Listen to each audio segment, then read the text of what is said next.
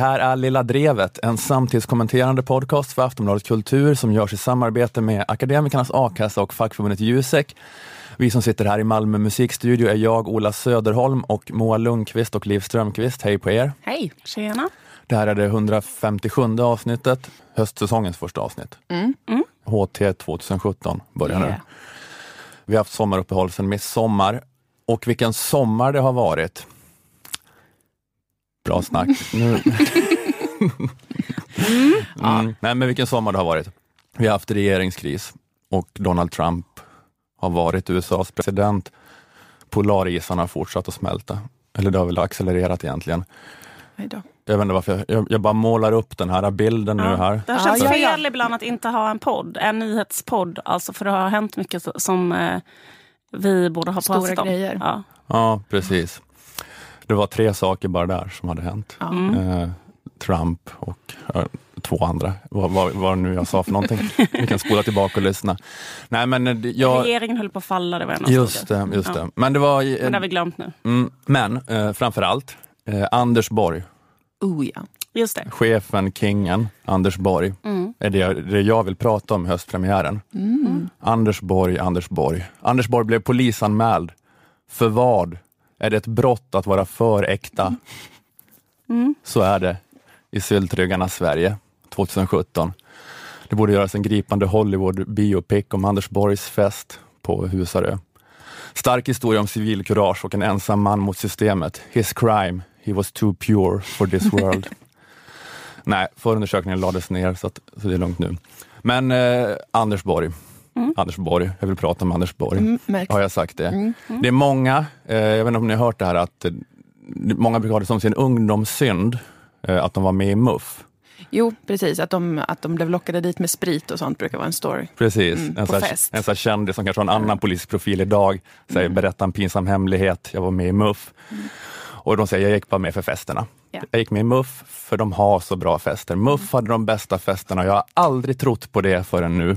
Nej, men jag kan... eh, jag kan Anders Borg, Anders Borg. Jag kan tycka att det, jag tycker att det är sån himla dubbelmoral. Det klagas och klagas på att det värsta som finns är mediatränade politiker. Mm. Vi hatar dem som är såna robotar som bara rapar upp talepunkter och Anders Borg bara langar fram kuken. Och då är inte det bra heller. Hur ska vi ha det? Damn if you do, damn if you don't. Liksom när någon till slut är folklig på ett trovärdigt sätt. Eller hur? Så jagar vi iväg den med högafflar och facklor. Det här är inte det här fake folkliga som PR-avdelningen försökt lägga i munnen på politikern. Så här, jag gillar fotboll. Jag hejar på sport. Jag tycker Sara Larsson är en jättehäftig tjej samt superbra förebild. Det var inte det. Nej, det var mer rått. Han bara söp sig blind och langade fram den. Mm. Ehm, vi kan gå igenom vad som har hänt. Please. Anders Borg, Anders Borg-grejen. Det var då alltså före detta moderata finansministern Anders Borg och hans fästmö Dominika Pesinski. De var på fest på Husarö i Stockholms skärgård 28 juli. På tillställningen eh, fanns ett 60-tal gäster. Flera av dem var personer med höga positioner i näringslivet och det offentliga Sverige, Mm. enligt Aftonbladet. Någon vecka efter festen började det komma uppgifter om att en ex-minister betett sig olämpligt på festen. Var det en hel vecka efter själva festen som det började Ja. komma? Okej. Det var lite konstigt. Mm, ja, det tycker jag Det tog så lång tid för alla att nyktra till. Mm. Men då var det först en sån här artikel i, vad var det, Dagens Opinion, finns det något som heter så? Säkert. Jag tror de var först och skrev de en artikel då det inte var namngiven minister. Mm. Men när den kom, det var inte så svårgissat för Flashbackarna tror jag, att ringa in det. I alla fall. Anders, Borg. Anders Borg gick i alla fall själv ut på Facebook och bad om ursäkt. För att Mm. eh, han hade fått höra att han betett sig illa under en blackout på den här festen. Då.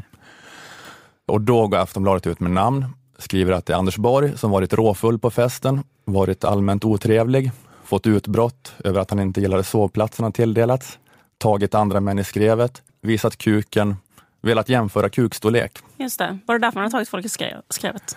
Han var så här, hur stor kuk kan du känna? Hur mäter Anders Borg penis? Kör han med rotavdrag?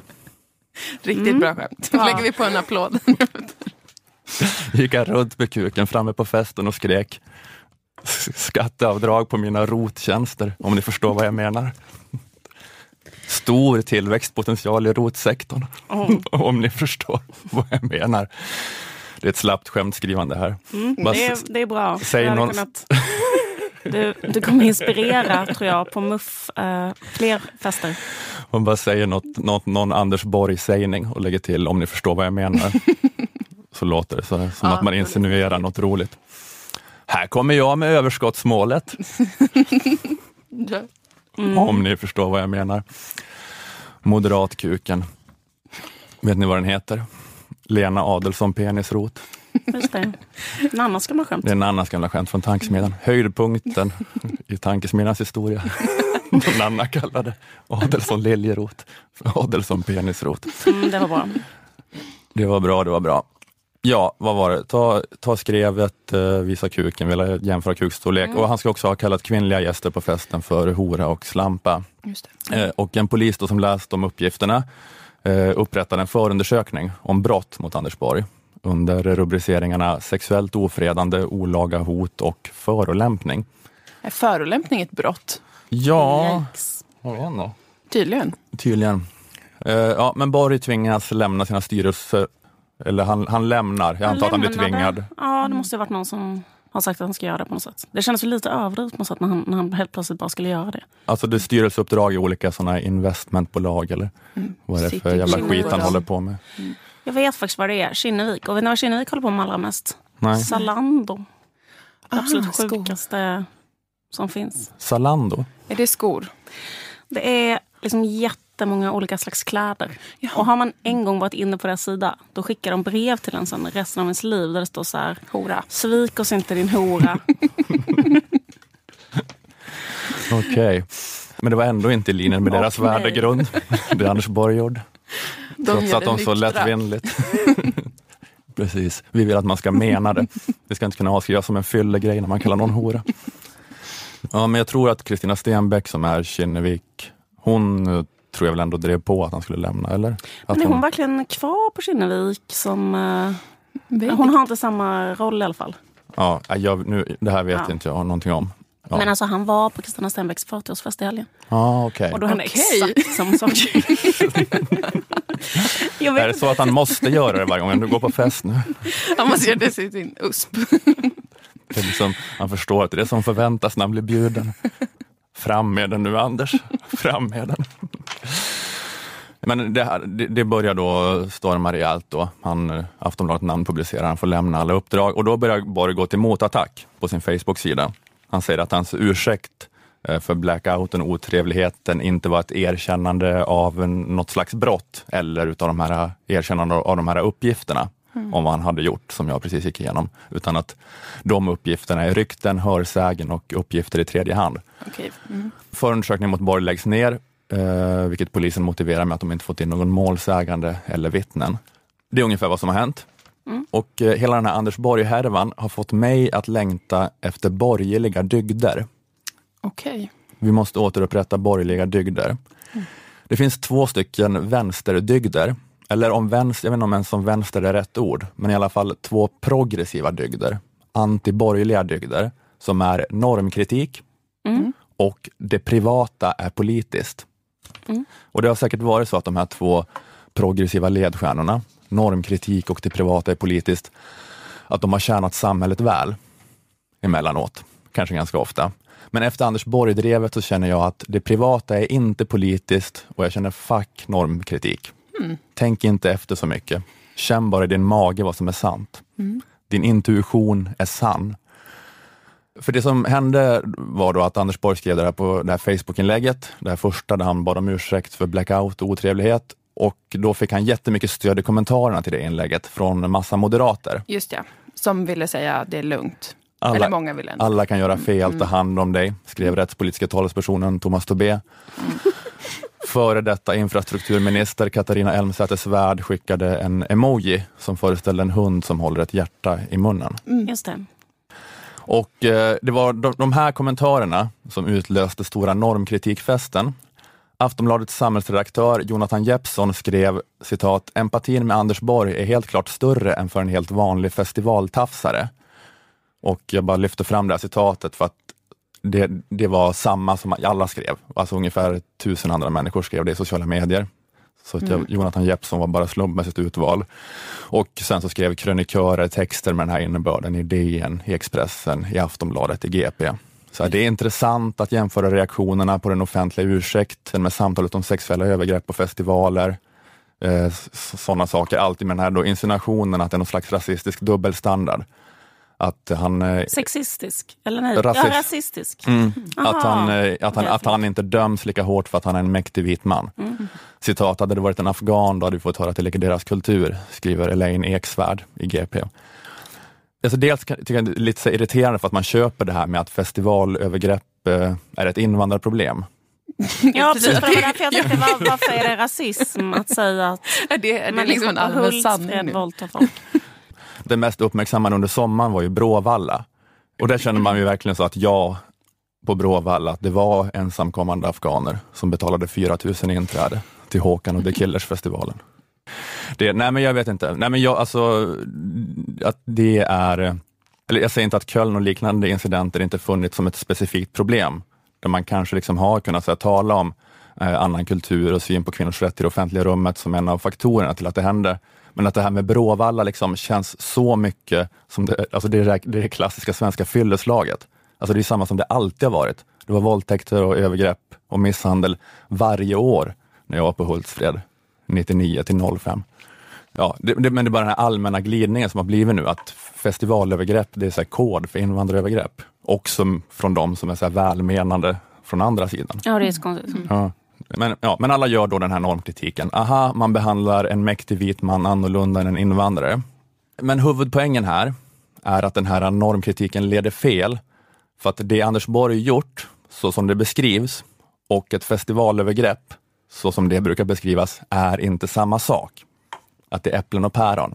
Alla vet det intuitivt, men eftersom vi, att vi är så tränade i normkritik så är det som att normkritikimpulsen slår ut den vanliga magkänsleimpulsen som har rätt i det här sammanhanget.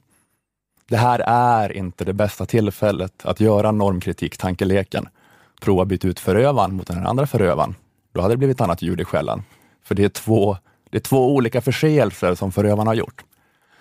Eh, Malin Sive skrev en ledartext med rubriken Borgs nedfylla borde inte vara en polissak i Expressen, där hon förklarade för alla som låtsas inte förstå skillnaden mellan att någon beter sig som ett svin på en privat fest med massa 50-åringar som är mer eller mindre bekanta med varandra och sexuella övergrepp på offentlig plats. Eh, hon skriver citat, utan att ursäkta Borg för vad han gjort anser jag att medelålders människor borde kunna hantera en person som gör bort sig grundligt. Man skickar hem skräckgästen med taxibåt eller skickar hem i säng. Taxibåt. Ja. Skräckgästen också. ett Bra eh, namn. Är det en klassmarkör i den här texten? Man hyr in helikoptern och skickar hem fyllot. Man ringer bara sin privata båttaxichaufför Mm. Jag har hört att de har problem med Bråvalla. Varför ringer de inte bara på en taxibåt? och skickar hem skräckgästen. Man skickar hem skräckgästen med taxibåt eller skickar henne i säng.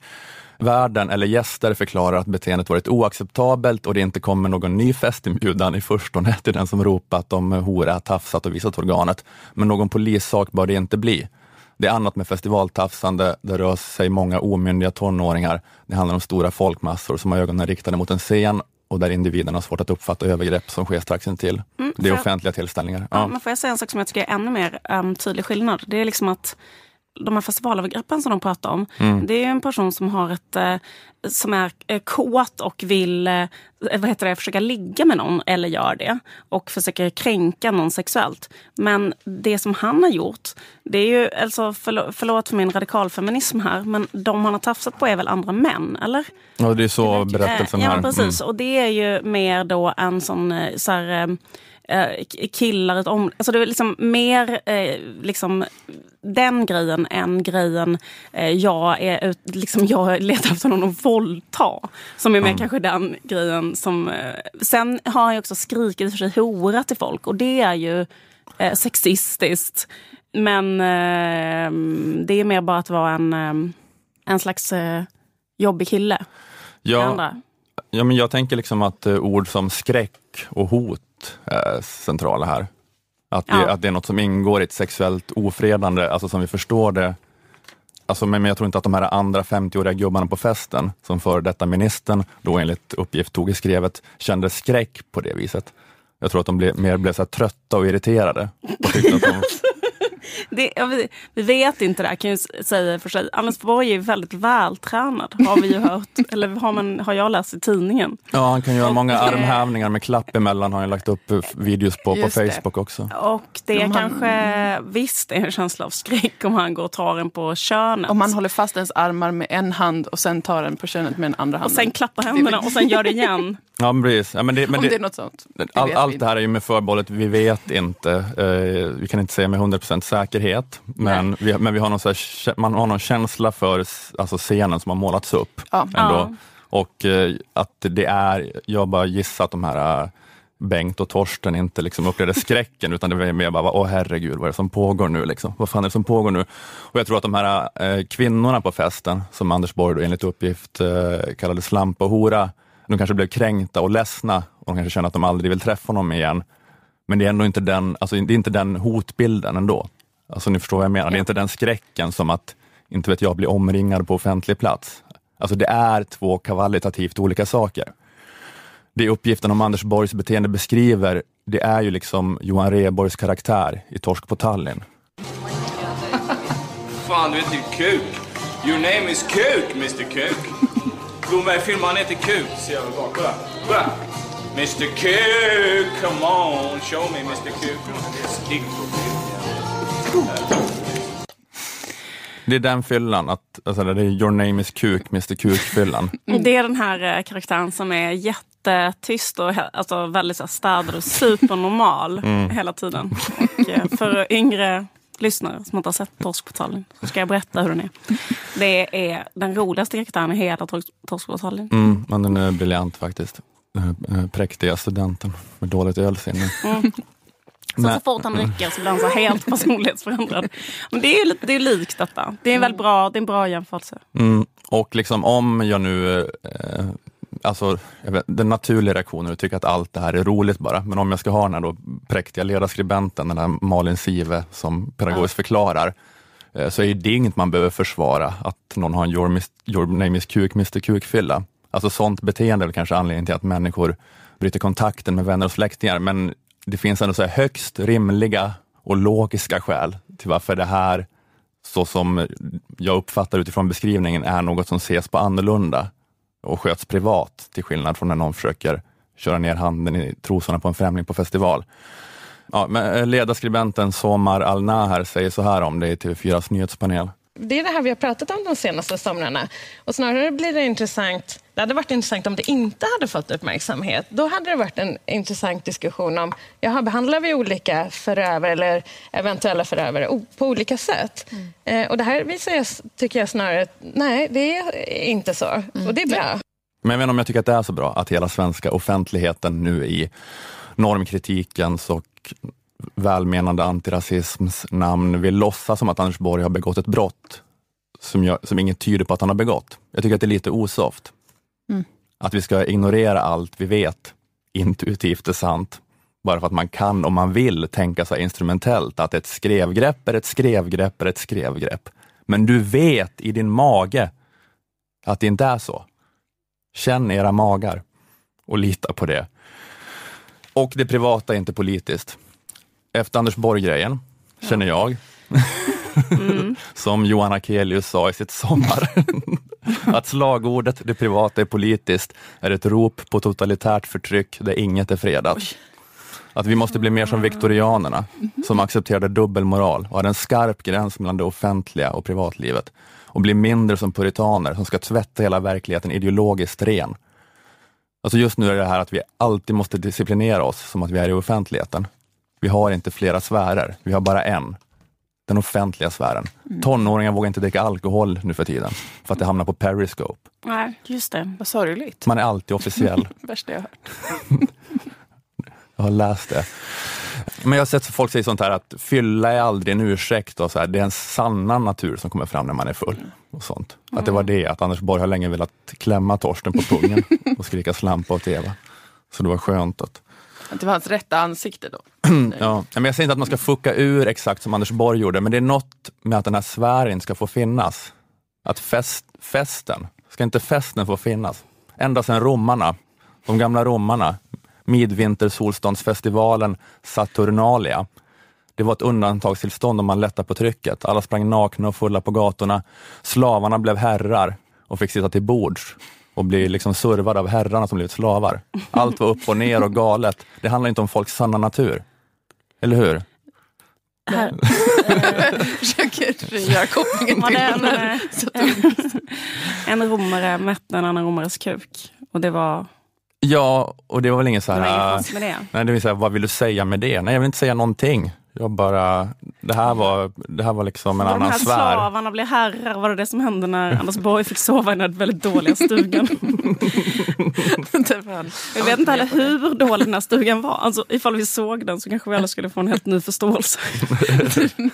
Underlag för en snedfylla på en jätteliten bänk. Alltså riktigt, riktigt vidrig liten stuga. Men det är ändå något konstigt tycker jag ändå med någon sån eh, puritanism. Att, eh, för nu känner jag mig lite så här, bara töntig över att jag så skulle hålla på och ta det här på allvar och förklara. Mm. Att, eh, att, ja, jag vet inte, ja, det är klart, det kanske låter lite illa i och för sig, vissa av sakerna han gjorde, men att jag tycker ändå så att ens impuls när man hör om det här, att det är en glädjens nyhet. Att det är så jävla roligt. Men det här att folk ska vara så upprörda, liksom. att det känns som en teater. Kan folk vara så upprörda? Eller? Jag vet inte faktiskt. Jag funderade också på det, för jag skrattade. Ja. Alla är ju jätteglada för att det har hänt, alla är jätteglada för att han har gjort det här. Men eh, precis, men alla är tacksamma. alla är tacksamma. Eh, Men folk måste ändå vara kommissarier Men får jag säga en sak? Också när man är på en sån här fest och det är en sån skräckgäst. Mm. Jag menar. Det är också så här... Det är ju, alltså, vi får ju förbehålla oss rätten att säga när vi inte tror att han på ett sexuellt sätt har förgripit sig på de här näringslivstopparna, männen. Mm. Utan bara, eh, Bara gjort en flippig grej. precis bara varit Mr. Kuk, Mr Kuk, fyllot. eh, då är det ju inte, det är ju inte värst. Det är ju inte värst för dem som eller har jag fel nu? Men jag menar, det är ju, ro- det är ju vär, det är värst för den som blir så på festen. Eller? Ja, det är precis. fruktansvärt. Alltså, det är inte, Men det är ju självdestruktivt snarare än något annat. Liksom.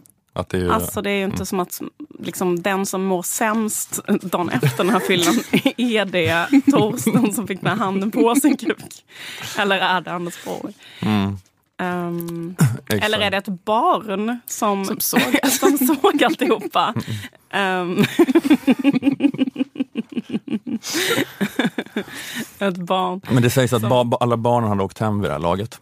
Jaha, men varför är de med hela tiden i ekvationen? Det tycker jag ändå att de har nämnts väldigt många gånger. det? Jaha. För Men att jag jag, tycker att det har varit en sägning hela tiden. Det fanns barn där. Just det, det var familj. Men, Att det var ja. familjer. ja, men jag, jag läste att det var en städad familjefest som började på eftermiddagen och uh, slutade ganska tidigt och att när Anders Borg fuckade ur hade de flesta tagit båttaxin hem. Då. Och så var det kanske att det började bli lite läggdags. Här. Så var det så här, här ska ni sova. Och han bara, vad fan, nu ska du få se på Adelsson penisrot. Alla, alla barnfamiljer hade lagt sig i den fina stugan. Och, eh, ja, just det. Jag tänkte lite på den här, den här oskarpa, då, nästan obefintliga gränsen mellan offentlig och privat. Att vi har ju båda läst Anna Karenina av Tolstoj ganska nyligen. Mm. Att det, där känns det som att eh, Alltså just det här eh, det där liksom viktorianska idealet, att den utspelar sig i Aden på 1800-talet, att det är så himla tolerant på ett sätt, Ja. eller hur? Alltså Anna, Anna och greve Wronskis brott är ju att de inte kan sköta sig offentligt. Ja. De hade typ kunnat ha sin affär Absolut. privat. Att de har Ja. de har så stor tolerans med att man håller på och äcklar sig och fuckar ur privat i den liksom ryska 1800-talsadeln. Men det är bara att deras brott är att de inte kan keep up appearance för att de blir så kära i varandra så att de liksom vill rymma och de kan inte sådär, gå på offentliga tillställningar med sina respektive äkta män och fru. Så att, eh, ja jag vet inte. Det kanske borde vara så. Ja, men det är ju det som är grejen. Att varför är det här ett brott? För han har inte gjort det på liksom, Kinneviks styrelserum. Mm. Han har inte skrikit eh, hora till liksom, Zalandos vd, även om han borde göra det. Mm. och det, det är ju synd. Man skulle Mm. önska att han skulle säga det till dem som förtjänar det. Ja, men, eh, men sammanfattningen var bara att eh, Anders Borg-drevet fick mig att längta efter borgerliga dygder mm. och känna att normkritik är dåligt och det privata är inte politiskt. Mm. Okej. Okay. Vi går vidare. Okej. Okay. Okay. Säger vi tack. tack. Säg tack till dig.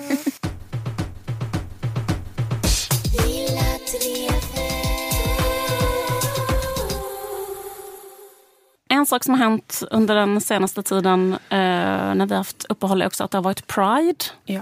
på lite olika håll i landet. Och eh, en sak som händer när det är Pride, det är att många människor, kändisar, politiker, företag, yrkesgrupper och så vidare går ut och stödjer Pride genom att säga så här. eh, All kärlek är bra kärlek. Eh, Kärlek kan aldrig vara fel. Hur kan de vara emot kärlek? Jag är i alla fall för kärlek. Eller hur? Ja. I vilken form den än kommer. Det kan- det kan komma i jättekonstiga former och vi från Socialdemokraterna är ändå för det. Nej, men jag blir bara förvånad över att det finns liksom så många människor som har en så positiv bild av kärlek. Alltså jag bara undrar om det verkligen är alla de här människornas egen erfarenhet. Att kärlek och parförhållanden är det finaste som finns. Mm, mm. Alltså det kanske är så. Och i så fall är det väldigt inspirerande att se att det liksom så många verkar ha haft så enormt positiva upplevelser av kärlek och sex och förhållanden och sånt. Eller hur? Ja. Också hela homorörelsen utmärks ju av det, tycker jag. Att de verkar ha haft så extraordinärt positiva upplevelser av kärlek. För att jag menar, liksom deras drivkraft för att få rättigheter och erkännande och så. Det måste ju ha berott på det. Att de, alltså jag menar på den tiden det var så olagligt och sjukdomsförklarat att vara homosexuell och så, eller hur? Då måste det ha varit så här att de låg med någon, eller blev kära i någon av samma kön då, och bara kände detta måste få finnas. Eller hur? Det här är liksom så fint så det är värt att kämpa stenhårt för. Liksom det här måste få existera i samhället. Jag bara menar att jag inte kände så när jag satt i någon finnig killes pojkrum och runkade av honom för att han skulle sluta gråta. eller något liknande.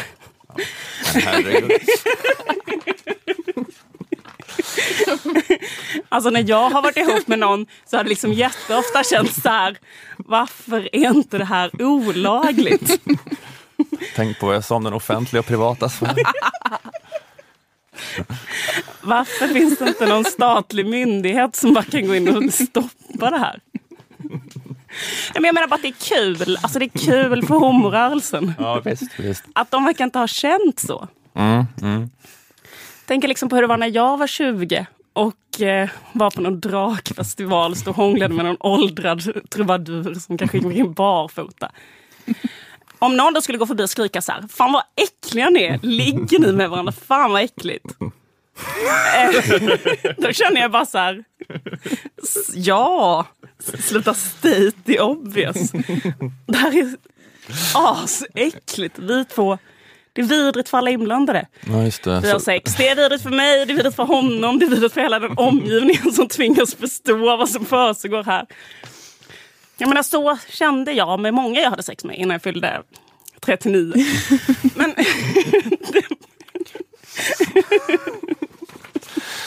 jag menar så här, att det är gott betyg för homorörelsen att de inte verkar känt så kring de eh, sina sexuella förhållanden, eller hur? De har inte haft såna erfarenheter som bara fick dem att känna... De, de har istället haft såna här erfarenheter som bara fick dem att känna nej, vi är inte äckliga. Och det tycker jag är så jävla starkt på något sätt, eller hur? Att inte känna att jag har äckligt sex. Eller? Det är Ja, så det- jävla positivt. ja, det är faktiskt otroligt. Det är otroligt. Det är otroligt. Det är så jävla, ja, det, exakt, det är inspirerande på något sätt. Särskilt, om- särskilt om det är 19-åringar som sagt som går i det tåget. Det, det känns helt jävla övermänskligt. Det här är det finaste som har hänt mellan två människor. Hur som helst. Um, Hur kan det inte bara vara ett paket med ångest? också det här att den tidiga homorörelsen protesterade mot att deras kärlek skulle betraktas som en sjukdom. Det är liksom också ett tecken på att man har så bra självförtroende tycker jag. Gällande kärlek. Eh, bara mitt sätt att ha förhållanden är inte sinnessjukt. Va? Ja, Jag har ju ofta känt. Jag tar bara exempel här. till exempel. när man då till exempel, tar bara ett exempel, har gått hem för hundrade gången till en polyamorös amfetaminmissbrukare i hopp om att få ligga med honom. Då, då skulle jag ha känt så här, om typ, jag vet inte vem, för Folkhälsoinstitutet skulle gått in och säga så här, du är ju sjuk i huvudet, du är ju sinnessjuk. Så man bara känner så här, ja, det är helt rimligt. Det är konstigheter. ja, just det. Det är sinnessjukt. Jag skulle liksom aldrig opponera mig om någon skulle säga det, om ni förstår vad jag menar. Att det normala för en människa är att större delen av ens relationsliv är patologiskt. Nej, men, men, så det- är, men så är det inte för homorörelsen uppenbarligen. Nej, och det är det. Jag säger inte att det är det normala, jag säger bara att erfarenheten finns att eh, det inte är det finaste som någonsin har hänt en människa. Men, men att det är otroligt inspirerande att se att alla de här människorna tycker att det är det finaste som finns. Verkligen. Så det hela är positivt, det var det bara det jag ville säga. Ja, ja.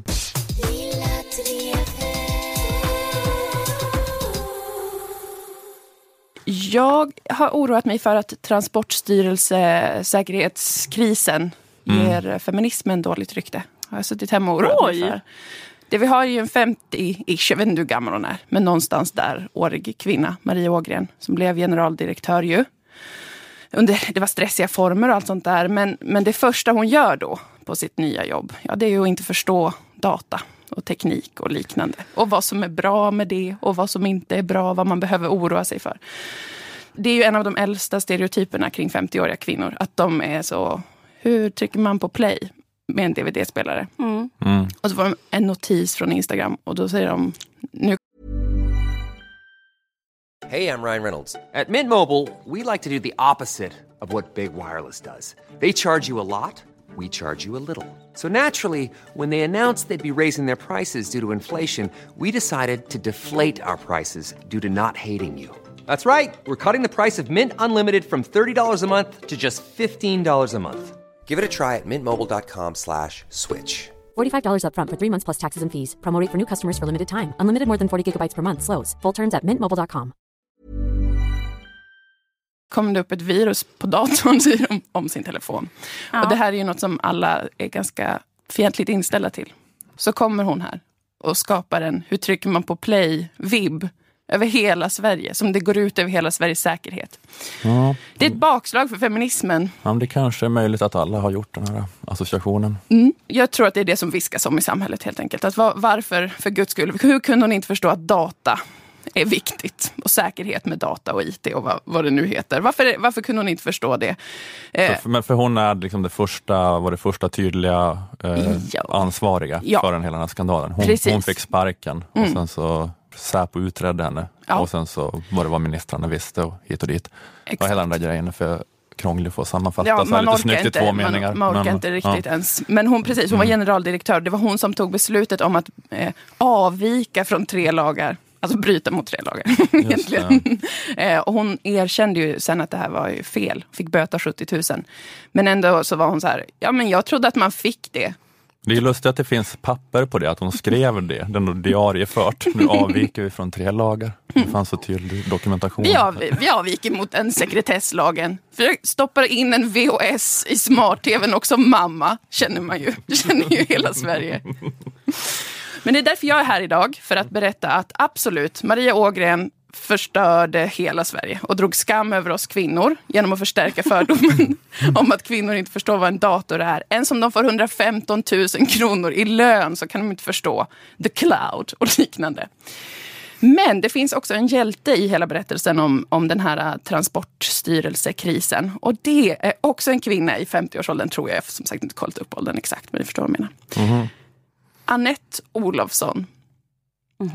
För att ge feminismen upprättelse efter den här vedervärdiga skandalen, som till stor del var Maria Ågrens fel. Det var kanske fler också, men skitsamma. Så ska vi minnas internrevisorn på Transportstyrelsen, Annette Olofsson. Vi måste, skriva, liksom, vi måste skriva om henne, vi måste prata om henne, hylla henne, framföra lovsånger om henne. För att vi vet ju att annars också så skrivs sådana hjältar ut ur historien. Revisorer, klassisk eh, kategori hjältar som ingen minns i efterhand. Nej, de är obesjungna. Vi ska lyssna vad som Annette gjorde under sin tid. Och då får jag väl tillägga att det är jag som har lagt till också bakgrundsmusiken, inte Expressen. Många är de som tycks ha gjort fel i den stora IT-skandalen på Transportstyrelsen. Men en som regelbundet larmade om de möjliga konsekvenserna är myndighetens internrevisor Annette Olofsson. Redan för tre år sedan varnade hon styrelsen och generaldirektören personligen för att myndigheten brutit mot flera svenska lagar. I Säpos förundersökning framkommer en bild av att Anette Olofsson envetet fått kämpa mot en gammal tradition av lagbrott på Transportstyrelsen. Visst ryser man? Det var fantastiskt. Ja. Skriv den här filmen om Anette Olofsson. Jag tar Braveheart-soundtracket Ja, det var jag Braveheart, jag funderade på varför det var säckpipor. För jag tyckte att det var inte helt, så här, inte helt generisk sån sentimental musik. Men det var lite skotsk. Den var helt... eh, Ja, precis. Ja, Det blir en jättebra film. Det kommer Alicia det bli. Vikander spelar ja, kanske Anette. ja, ingen lyssnar förrän det är för sent. Precis. hö- Anette höll på som fan under många år. Det var hela tiden så på Transportstyrelsen. Maria Ågren kom in stressad, svarade på alla frågor kring outsourcingen eh, med att säga bara så här, fuck the law. Och alla andra bara, va? Okej.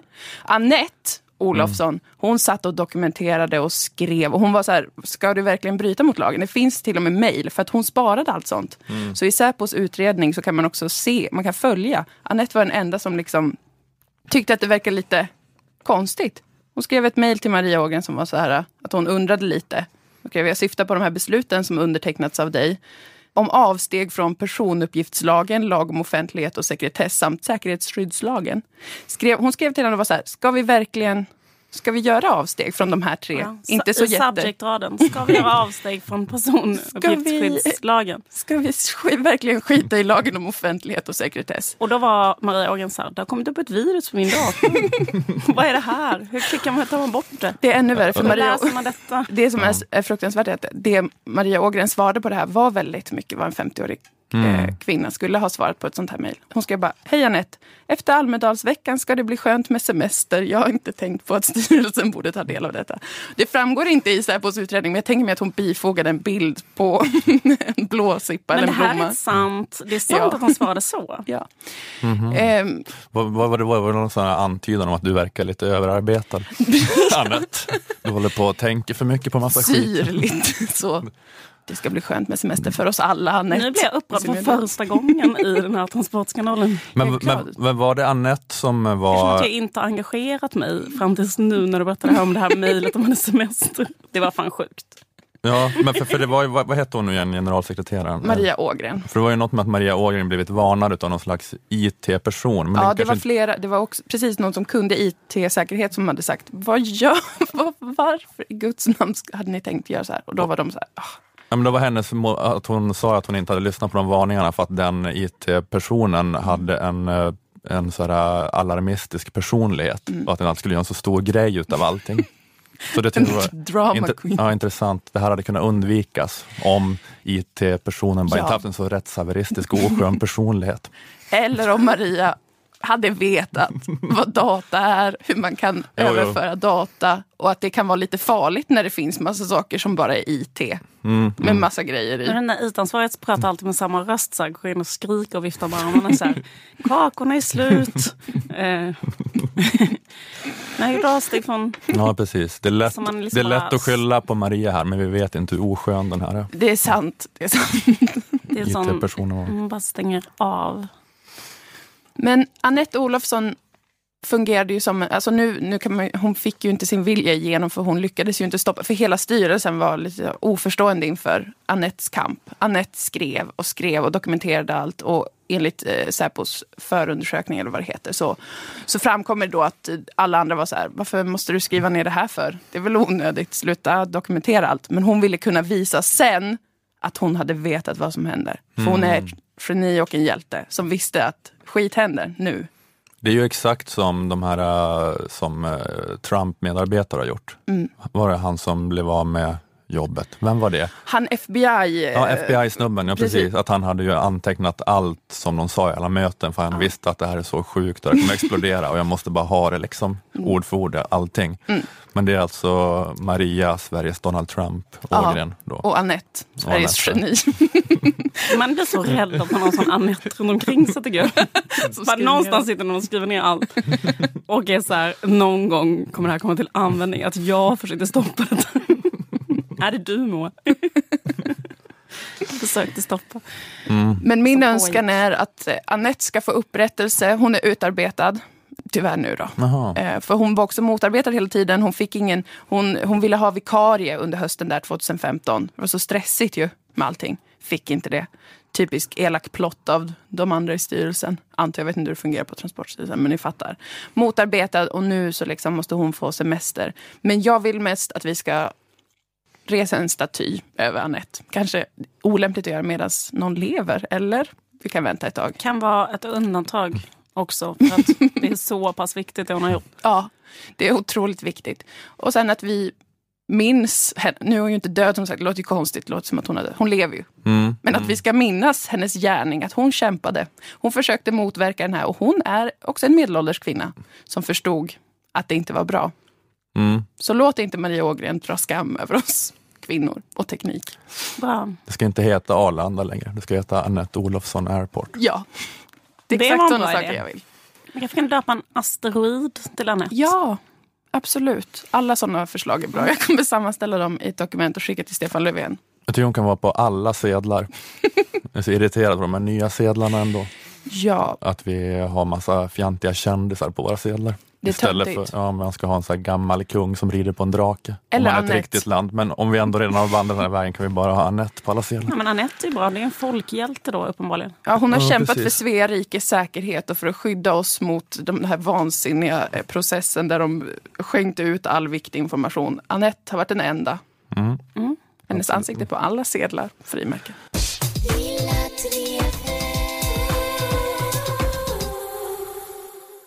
Lilla Drevet har sponsorer, kanonsponsorer, som vi gladeligen samarbetar med. Akademikernas a-kassa och fackförbundet Jusek heter de.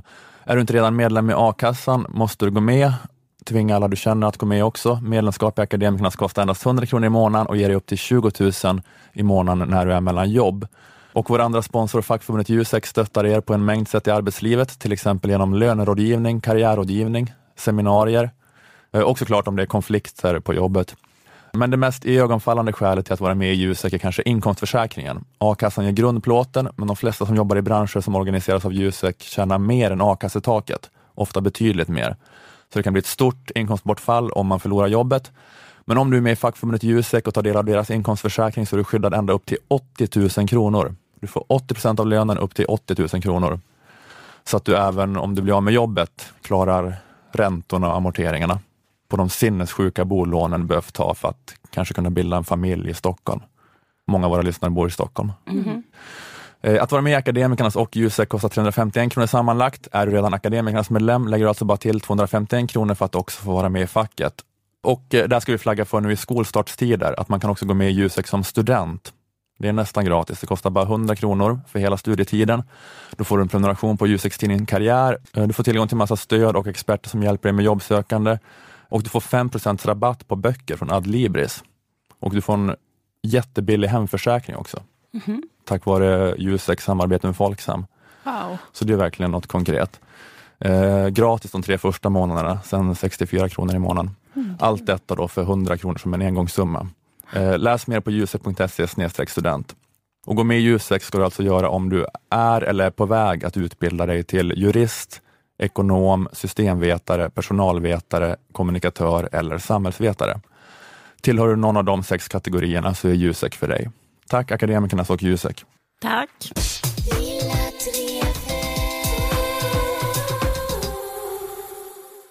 Vad var det som eh, hände egentligen med Anders Borg? Jag tänkte att vi skulle återkomma till.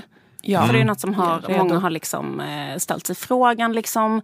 Eh, när han var finansminister så brukade han säga att han var feminist. Eh, sen gick han runt och sa hora till folk i, i skärgården. Han brukade räkna ut Sveriges budget. Sen gick han till att räkna ut killars, eh, mäns penisstorlek och så vidare. eh, vad händer? Ja, ja, Jag tänkte våga mig på en teori om vad som har hänt. Ooh. Eh, ni vet att det finns en sån teori om maskulinitet som är typ så här. Ja, men ni vet att män har vissa så krav på sig för att räknas som lyckade män. Typ att vara kanske, det är så här, eh, jätte eh, generaliserande beskrivet så är det så här, typ att vara stark, framgångsrik, rik. Eller i alla fall kunna så här, försörja sig själv ekonomiskt. Kanske inte vara oskuld, jag vet inte. Var, var som Mr Grey, kanske. Typ, ja, Att vara sexuellt viril och och framgångsrik bland kvinnor. Heterosexuell kanske också. Men om du är en man som liksom inte kan eh, uppnå då vissa så väldigt basic steg i den här mansrollen. Till exempel, eh, du kanske är en arbetslös eh, kille i en avfolkningsbygd utan flickvän eller gymnasiekompetens. Eller du kanske är en kille i en förort som inte har någon status eller några pengar överhuvudtaget. Om du är en sån här typ av man, då måste du liksom kompensera din manlighet genom att så här överdriva stereot väldigt stereotyp maskulinitet. Folk hatar när jag säger asp eh, tolka maskulinitet. Men eh, jag ber om ursäkt för det jag säger i alla fall. Vet att ni kommer mejla. Aspis, Kommer. tolka inte din användning av aspis. Exakt. De tänker så här, vad är en man? Nej men det blir det en, en tolkning av maskulinitet som är så här, stark, mm, äta anabola, ha en kamphund. Eh, den typen av, eh, att man liksom överdriva åt det hållet. Och det, det är liksom därför som man då kan se att så här relativt sett ganska maktlösa män kanske är liksom mer överdrivet maskulina. Till exempel man kan tänka så här gangsterrap-kulturen i USA. Den utgörs ju då av män som liksom kanske relativt sett jämfört med andra män i USA eh, så har liksom den gruppen lite makt. Men då överdriver man sin maskulinitet som, för att kompensera det. Då. Ja. Eller att det kanske är viktigare för en sån eh, kille i Norrlands inland som har misslyckats på komvux att liksom understryka att han inte är bög. Mm. Det är viktigare för honom att understryka det än en kille i randig tröja centrum som bara hallå, jag kanske är bög. Vem bryr sig? Så är han inte det. Ja, just det, hans status är liksom, eh, vilar på någon slags tryggare grund så då behöver man inte ägna sig åt lika hypermaskulint beteende. Exakt. Jag kan inte slåss eller slå i en spik, men bryr mig inte om det. Det är liksom en lyx de här killarna kan unna sig för att de liksom har en så pass trygg då, eh, ändå grund i den här maktpyramiden. Men nog om Ola Salo. Exakt. Jag kanske är bög, absolut inte bög. Så himla obög. Men liksom det här gör då att man kan tro att det är de här männen utan så himla mycket makt som är mer sexistiska och därför liksom ett större problem i patriarkatet än män som har makt. Eftersom då vissa av de här maktlösa männen tenderar att vara mer överdrivna i sin uttalade sexism. Tänk till exempel Ken Ring skriker att han ska våldta Madeleine. Eller hur? Sen kanske en eh, någon jättepräktig, eh, väletablerad journalist eller något sånt där på riktigt våldtar, inte Madeleine kanske, men någon annan. men, och, och det är, är, blir inte något så stort. Eh, ingen bryr sig om det för att det sker i ett maktcentrum där, där det finns skydd och eh, folk håller varandra bakom ryggen och det är en person som kan föra sig på ett sätt så att det inte märks och så vidare. Hur som helst, sen en annan sak är att vissa menar också att de här liksom lågstatusmännens, genom sin då väldigt så här vulgära överdrivna sexism, liksom jobbar för män som är högre uppe i samhällsskiktet. Till exempel den amerikanska feministen Bell Hooks skriver så här att unga svarta gangsterrappare, hon beskriver dem som slavar på patriarkatets bomullsfält. Alltså att de gör liksom det smutsiga jobbet i patriarkatet. Alltså att ha den här, så här överdrivet parodiska manligheten. Ja, den, den ändå liksom förekomsten av det arbetet de gör, det liksom gynnar kanske en vit medelklasskille som kan sitta och lyssna på gangsterrap i sitt rum. Och sen kommer hans mamma in och säger varför har du inte plockat in disken i diskmaskinen? Och då skriker han hora, inspirerad av sin musik. som han har lyssnat på. Det Han har fått en vidrig kvinnosyn. Eh, Nej men också i den bok som jag har lånat av dig, som den här boken som heter Maskuliniteter eller något sånt av Mm. R.W. Connell. Han liknar det här då vid att, hon, det, Ja, det är det, det är hon. en transkvinna. okej förlåt. Fast det Ehm, var, det är i och för sig, boken är skriven innan liksom namnbytet och könskorrigeringen. Så. hon, eh, hon liknar det här vid eh, några män som spelar på en fotbollsplan. Liksom några spelar på planen och några sitter på läktaren. Och de som spelar på planen är de här eh, som liksom måste utagera den här jättegrova maskuliniteten. Och de som sitter på läktaren gör inte det, men de drar nytta av det. Mm. Eh, det var jättelång eh, omskrivning för att komma fram till det här halvtråkiga skämtet. är ni redo? Och, nu, Ja. och nu punchline. Det är så jävla intressant. Ehm, nej, det är inte ens ett skämt, men det är den här spaningen. jag tänkte på med Anders Borg. Kommer ni ihåg att jag började med Anders Borg? Kanske är det det här som har hänt med Anders Borg. Att han liksom var finansminister, Sveriges mest älskade man, Ja. gick in i mediaskugga. Han har alltså haft ett eh, kort, eh, en, en kort period av att inte vara eh, bestämma nästan allt i Sverige. Det. Och eh, då när han inte har samma maktposition längre så måste han liksom bli som de här männen i den här maskulinitetskartan. Eh, eh, då. Han måste liksom eh, kompensera genom att bli mer vulgär i sin sexism. Just det, för han var kanske en av de i Sverige som hade mest sådär, naturlig alfahanne-status. Som var väldigt eh, underförstådd. Han Absolut. behövde inte larma, han hade bara en sån naturlig Absolut. Då var han pondus. så här, jag har långt hår, jag är Ja. lite queer, jag har ring i, ring i örat, jag, har, eh, jag är feminist, det ena med det tredje. Direkt när han slutade, steg ett, klippte sig för att ha en mer maskulin frisyr. Steg två, lämnade fru och barn för att bli ihop med en burlesk artist. Hypermaskulint beteende. Ja, eller hur? Liksom också ett lite övertydligt val av sexig flickvän tycker jag. Det är någon som slår upp Vem är sexig i Sverige? i en bok. Vad, vad är en trophy girlfriend? Fråga en kompis från 90-talet som svarar eh, det är Dominika. Men alltså det är liksom eh, på något sätt eh, den svenska versionen av att eh, eh, jag vet inte vad. Ja, det- Eh, det- Snoop Dogg har en, ett skivomslag med två Porrstjärnor. porrstjärnor i koppel kanske. Anders Borg ehm, gör valet, exakt, ett övertydligt, ett Aspergers val av sexig flickvän. Steg tre, börja skrika hora till folk på en fest. Men jag tänker också att det här är någonting som har också hänt med de andra gamla allians, den här gamla otroligt hyllade alliansregeringen som sen verkligen föll. Och nu, även Fredrik Reinfeldt har skaffat en jätteung tjej. Just det. Snart kommer han att skaffa en halstatuering där det står boss. En kamphund som heter Killer. Tobias Billström, jag inte om du minns att Tobias Billström på äh, flagga skyltar jättemycket med att han var bisexuell Just det. 2010. Har man inte hört något om sen dess. Eller? hur? Ja, just det. Utan istället har han börjat kroppsbygga. Han kommer Det komma är den mest obehagliga inre bilden jag någonsin har sett. att han är bisexuell. Men herregud.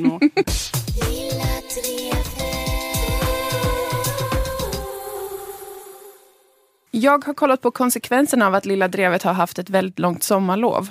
Det har uppstått något slags eh, maktvakuum när ändå en central så satirspelare har varit ute ur leken väldigt länge. Ja. Det har uppstått eh, flera försök i samhället att göra satir. Mhm. Det har gått åt helvete. Det har varit kaos i princip under flera månader. Globalt även.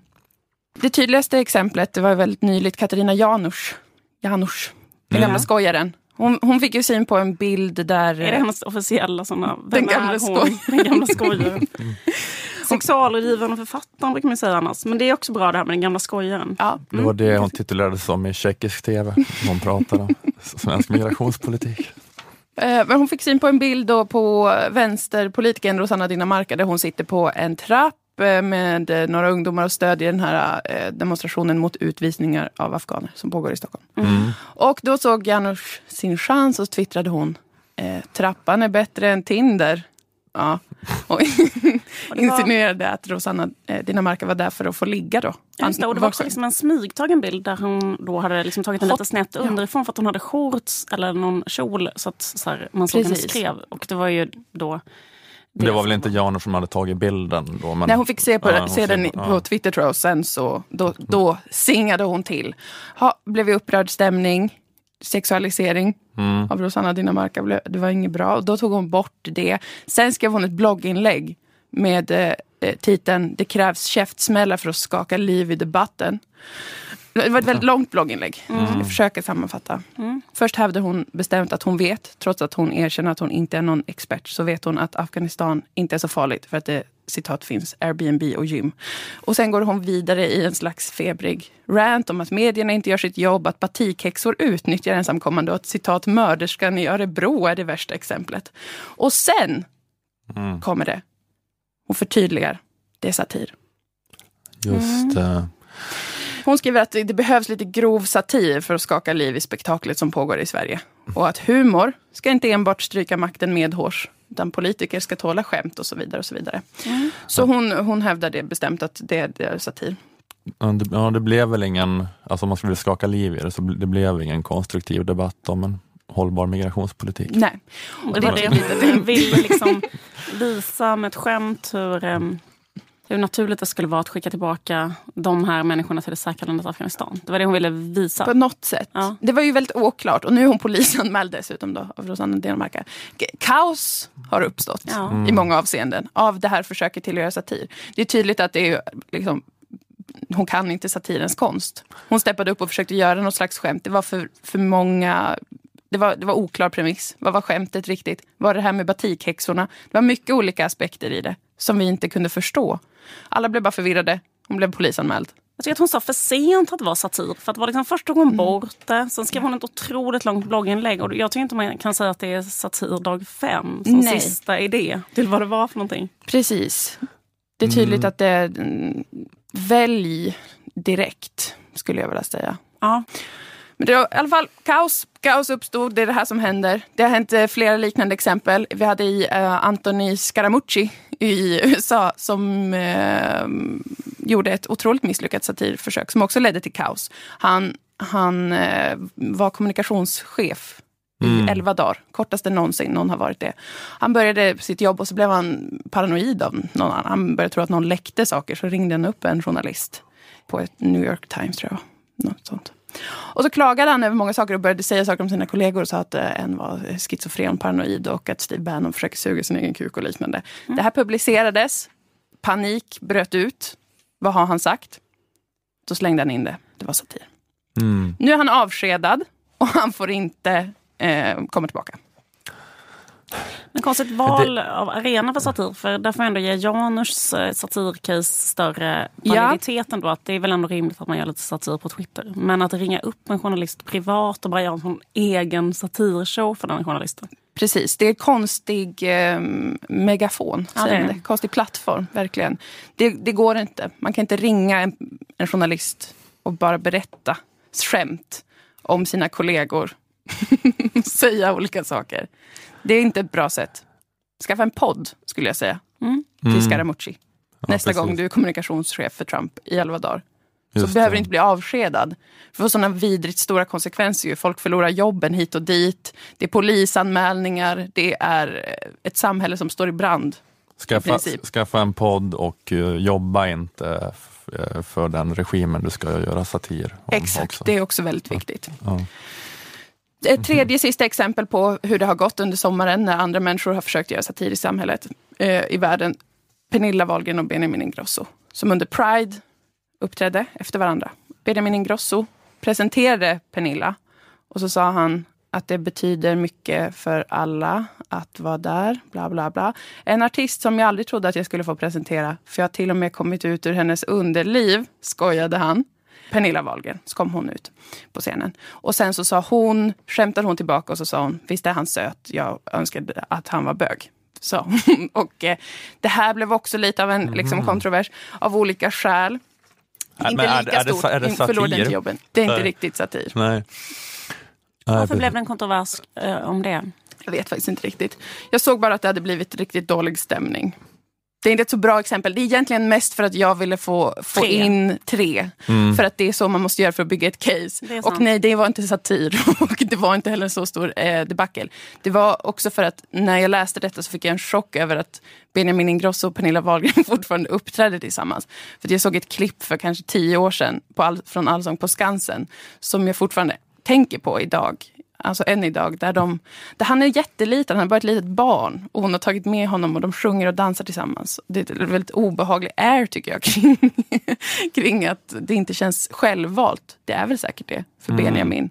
Men jag kände liksom att jag fick PTSD av att läsa att de fortfarande gör det här tillsammans. Det var också av, det, eh, av ett väldigt egocentriskt skäl som jag var tvungen att ta med det. Okej. Eftersom att jag fortfarande, jag har ett litet klipp från det som vi kan höra. Från det originaluppträdandet. Jag tror Benjamin är, alltså jag vet inte, han är så himla liten. För ung för att vara med i tv tycker jag.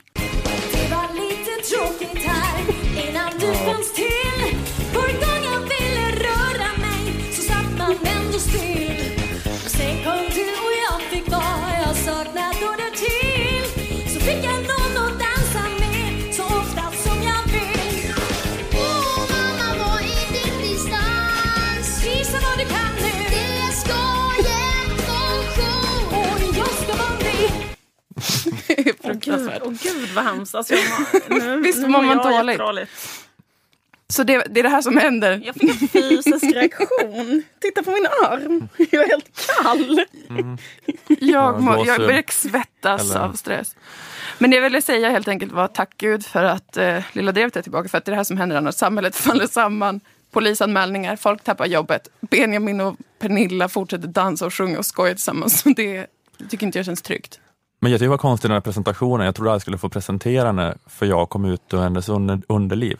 Vad sa du? Hur, hur var det han presenterade henne? Han sa, den här festivalen betyder mycket för oss alla som är här och även för nästa artist. artist. En artist som jag aldrig trodde jag skulle få presentera, för jag har kom, till och med kommit ut ur hennes underliv. Det hänger inte ihop. Det hänger inte ihop, precis. Man anar om någon. Det är så här Men är det inte väldigt så här- goddag yxskaft. Att jag... Men är det inte så här, eh, jag trodde aldrig att jag skulle få presentera henne för att liksom jag kom ut ur hennes underliv. Så det var som att hon presenterade mig. Så här, här har ni Benjamin Ingrosso, kommer han ut ur hennes underliv. Han trodde inte att han skulle vara så här, här har ni Pernilla Wahlgren. För att Så han, kan det vara. Jag tänkte att han trodde att det aldrig skulle hända för att han skulle ha hunnit bryta sig fri innan och flytt till ett annat land. Jag trodde aldrig jag skulle stå här idag. 20 år. Och sen sa hon vad? Jag önskar att han var, hade varit bög. Ja, hon sa, ni såg min avkomma och han är så söt. Jag hoppades länge att han skulle vara bög. Ja, och då tyckte folk att... Så För att det är så jobbigt att han är så besatt utav mitt underliv. Så det vore bättre om han var bög. det var var mer besatt av Emilio Ingrossos underliv. Precis. Incestuös är ju, det kommer ju med hela Wahlgren-namnet. Men Så det går inte att göra något åt. Däremot, svenskt artistlivs Lannister-familj. ja, Ja, ja, herregud. Okej, men det, då folk blev arga över det, att det här jönsk, att det var någon slags lite uh, homofobt uh, eller lite weird att säga jag önskar han var bög. Ja, något med det. Mm. Som sagt, någon har sagt något så. Mm. någon liten notis i Hänt Extra. Just.